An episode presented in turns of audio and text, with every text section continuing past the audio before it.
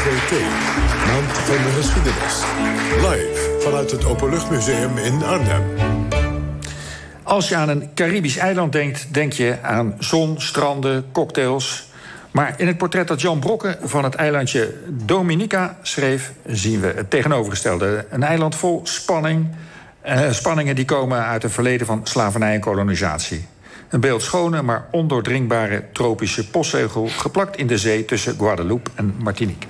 Ja, en het boek heet Het eiland van Jean Rice... en het verscheen al eerder in 1991, geloof ik, Jan Brokke. Uh, deze week komt een nieuwe versie uit. Je bent bij ons. Waarom wilde je dit boek herschrijven? De eerste versie de, verscheen in 1991. Uh, en er is een tweede versie verschenen in 19... 97. Uh, ik was in 1997 terug op Dominica...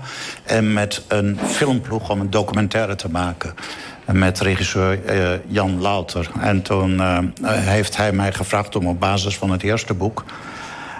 Om de rol van de verteller te spelen in die film... die in 1997 is uitgezonden op de Nederlandse televisie. Uh, ik uh, ontmoette toen uh, vele mensen die ik tijdens mijn eerste reis niet had ontmoet.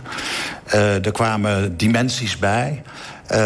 en een van de aardigste dingen was wel dat ja, de dochter van Jean Rees, de schrijfster...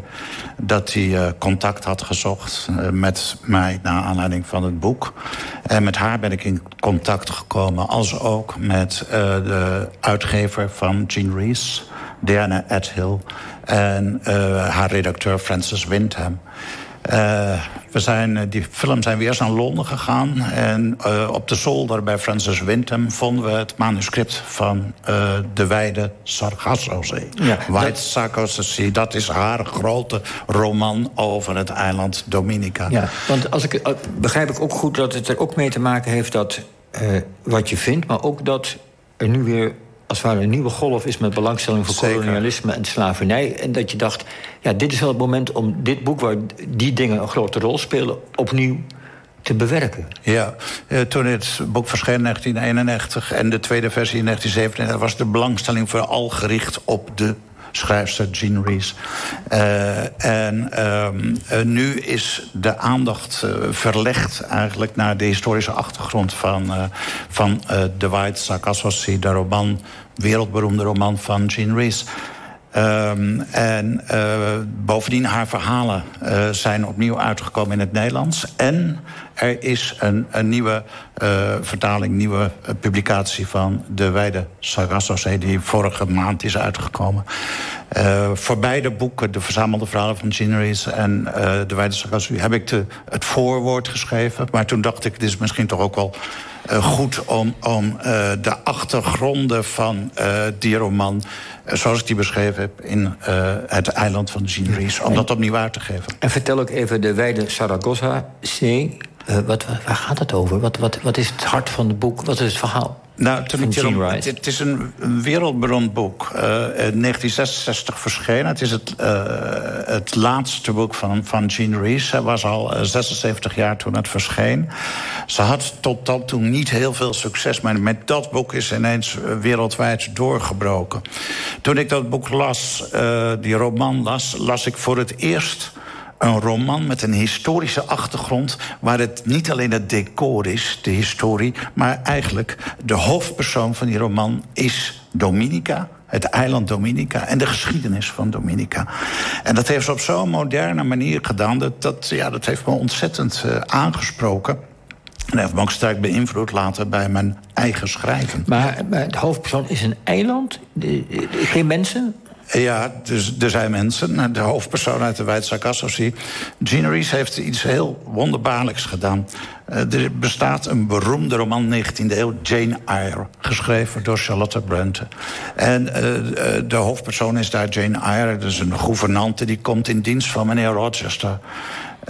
En op een kasteel in, in Engeland...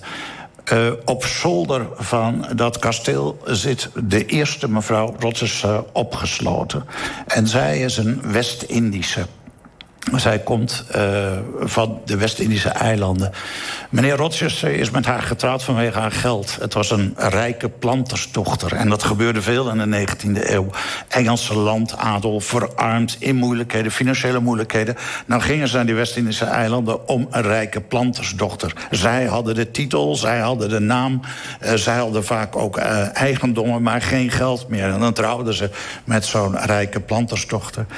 Uh, dat is het, het verhaal van, van Jane Eyre. En aan het eind van die roman steekt de, de eerste mevrouw Rochester... steekt het kasteel in brand en springt uit het raam. Uh, lekker, maar... Uh, ja, hele beroemde roman. Jean Rees die zelf geboren is en opgegroeid op een West-Indisch eiland, op Dominica...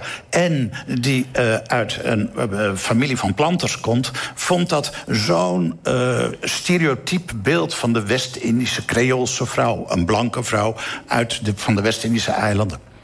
Vond dat veel te stereotyp. En ze dacht, ik ga een roman schrijven... waar ik deze mevrouw Rochester een geschiedenis geef, een gezicht geef, een persoonlijkheid geef. En ik zal vertellen wat voor vrouw dat is. En dat is uh, de hoofdpersoon uit de wijde Sargasso-zee geworden. Uh, en zij heet daarin Antoinette Cosway. Dat is haar meisjesnaam. En, en, en krijgen we via haar dan in beeld wat er op het eiland allemaal gebeurt aan Kolonia kolonialisme, slavenhandel, Inderdaad. slavernij, ellende. Uh, ja, ze heeft die uh, roman heeft ze gesitueerd in 1844. En dat was een, een cruciaal jaar, want uh, de slavernij is afgeschaft op de Westische Engelse kolonies in 1834. Het is dus precies tien jaar later. En zij heeft het boek gesitueerd op de plantage van haar familie op Dominica. Mm -hmm. Dus de plantage die beschreven wordt, Geneva, heet in het boek Colibri... maar het is de plantage die zij heel goed kende... Uh, omdat zij daar alle zomers uit haar jeugd heeft doorgebracht. Um, in 1834 slavernij afgeschaft. 1844 is er een grote opstand geweest... want die slaven konden nergens heen. Ze waren vrij, maar ze konden nergens heen. Ze hadden geen werk, ze hadden geen woning. Uh, en ze bleven dus op die plantages wonen. Ja. Uh, ze kregen uh, rechten, dat wil zeggen, ze, ze, hadden het recht om te vertrekken... maar ze hadden geen inkomsten. Dus in, in feite veranderde niets. Bovendien, de, de planters die kregen, toen de slavernij werd afgeschaft...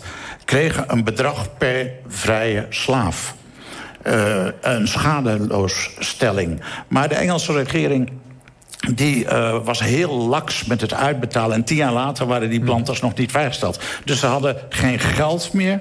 En, uh, en, en de, de vrij, vrijgelaten slaven woonden nog op die plantages.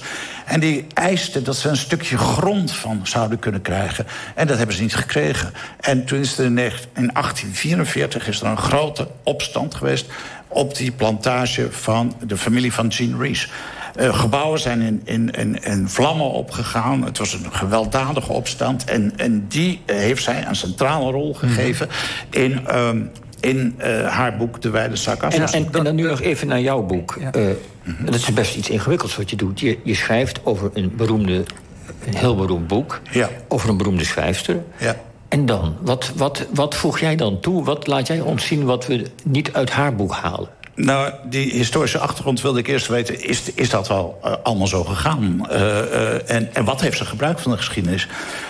kijk, historische romans het nadeel daarvan is vaak dat ze geromantiseerd zijn. En dat er met wat er werkelijk is gebeurd...